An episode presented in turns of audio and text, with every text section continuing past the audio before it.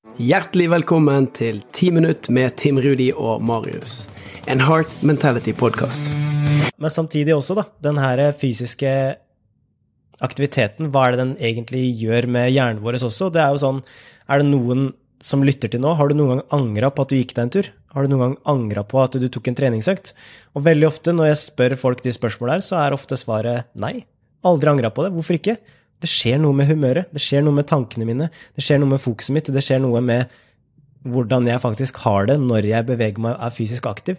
Og det her er noe som jeg tror kommer til å bli mer og mer brukt som en fordel og som en strategi for å faktisk kunne fungere på sitt beste og kjenne at man har energi og er opplagt, selv om man ikke alltid føler for det.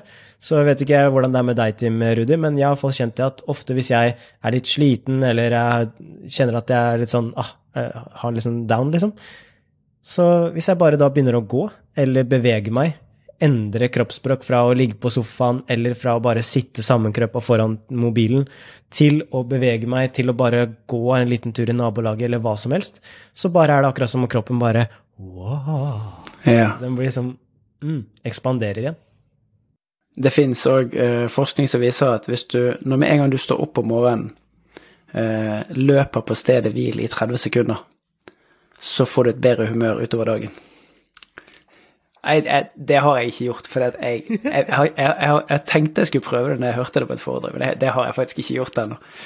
Uh, ja, nå fikk jeg bilder. Sant? Og så, og så, tenker jeg at mye av det som vi har snakket om, uh, og som vi legger til rette for i vår hverdag, det her med å ha gående møter. Så det at når vi er i bevegelse, så skjer det òg noe med hjernebølgene våre.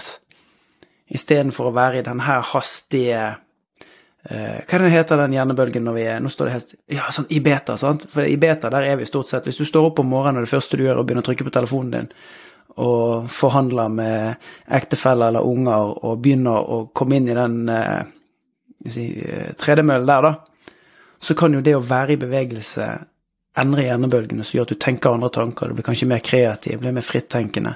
Det er lettere å, å bearbeide og være i dialog. Mm. Men jeg hva tenker du i forhold til det hvis eh, Noen ganger så er det jo litt sånn hvis folk har lyst til å jobbe med mentale prosesser. da. De har lyst til å jobbe med mental trening eller de har lyst til å bygge opp sin styrke. Hva slags plass føler du at fysisk aktivitet eh, har da? Har du noen gang gitt det som et råd at noen skal begynne å gjøre det, f.eks. hvis de ikke har hatt eh, energi eller sånne type ting, eller har du brukt det noe i veiledning, f.eks.? Ja, veldig ofte. Nå er det, det er sjeldent at jeg møter mennesker som er helt inaktive i veiledning.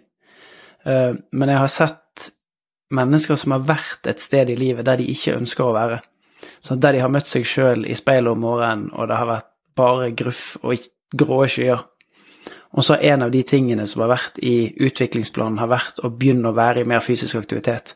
Om det handler om å bare begynne å gå, eller å ta seg løpeturer, eller begynne å trene styrke. Det, det varierer. Og det forplanter seg veldig ofte til flere ting. Så når du får etablert den vanen, når du får, får, fylt opp kroppen med den energien, så gir det ofte overskudd til, til, flere ting.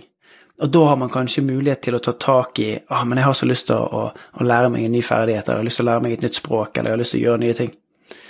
Uh, og en liten shout-out til, uh, til Mikael som over årene har blitt en veldig god venn av meg. Når jeg møtte han første gangen, så, så var en av de tingene vi gjorde, var å gå på trening sammen. Og i dag så er han en mye sterkere, mye mer robust, mye friskere mann enn hva han var for fem år siden.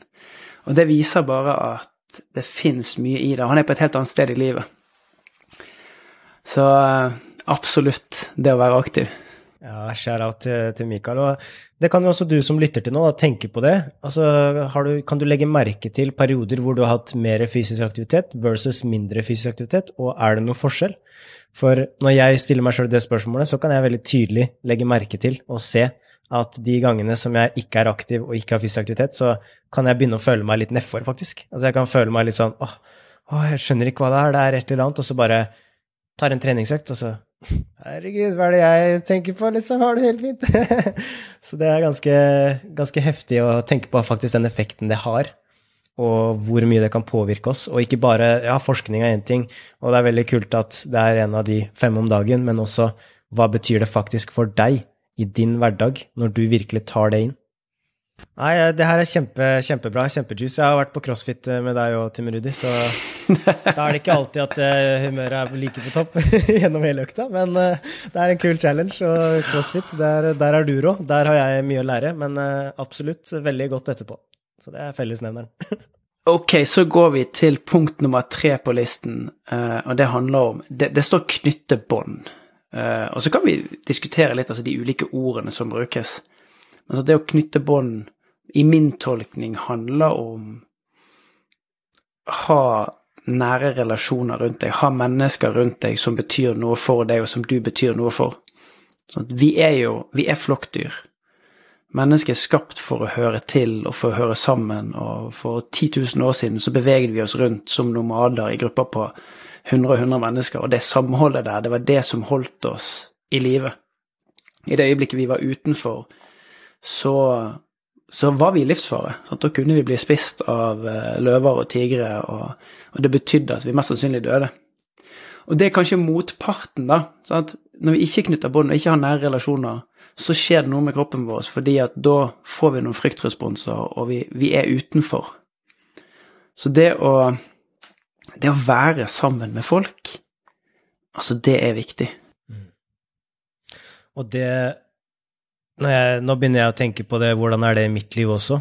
Uh, og jeg tenker sånn, hvis det er én ting som virkelig får opp humøret mitt, eller som får meg til å komme inn i en god tanke nesten hver gang jeg tenker på det, så er det å tenke på de bra folka jeg har i livet mitt. Mm. Og tenke hvordan de er der, og hvor viktig det er for meg å ha de. Men de ble jo ikke til av seg selv. De ble jo faktisk til for at uh, vi også har lært å samspille. Eh, og det er derfor jeg syns det er også så bra at det kommer mer fokus på at det er viktig å knytte bånd.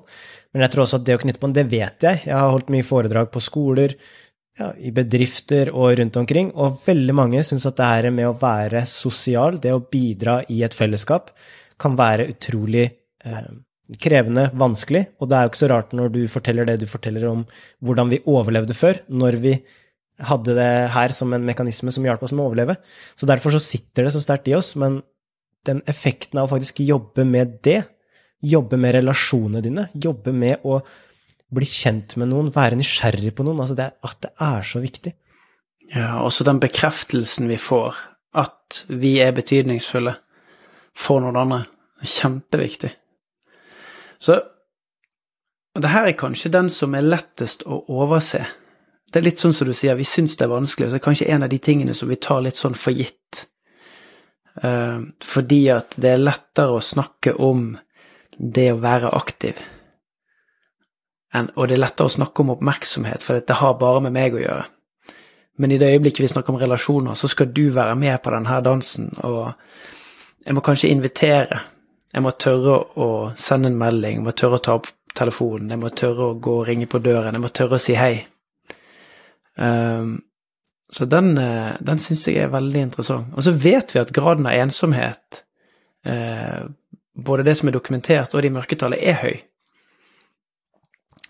Så du vet, det er én ting jeg tenker på når vi snakker om det her, og det er kanskje å snu det litt.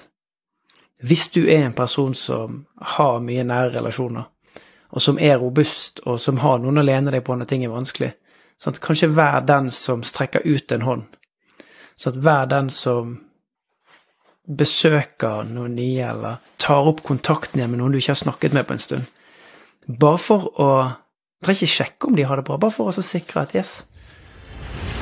Tusen hjertelig takk for at du lytter til den podkasten her. Tim Rude og jeg syns det er så spennende og så gøy å lage de episodene her, og ikke minst se at dere deler det på Instagram at Team Heart Mentality vi hadde også satt utrolig stor pris på hvis du finner noe som helst verdi av det.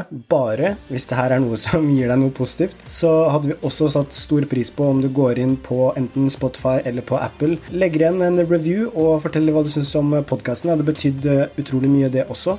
Og vi lager den podkasten her fordi vi tror så på at det å ha jevnlig påfyll med inspirasjon, motivasjon, historier og ikke minst eh, inspirerende mennesker over tid, så er det mulig å kjenne på at vi kan vokse, vi kan bli sterkere, vi kan bli råere mentalt, og vi kan gjøre mer av de tinga som vi innerst inne drømmer om.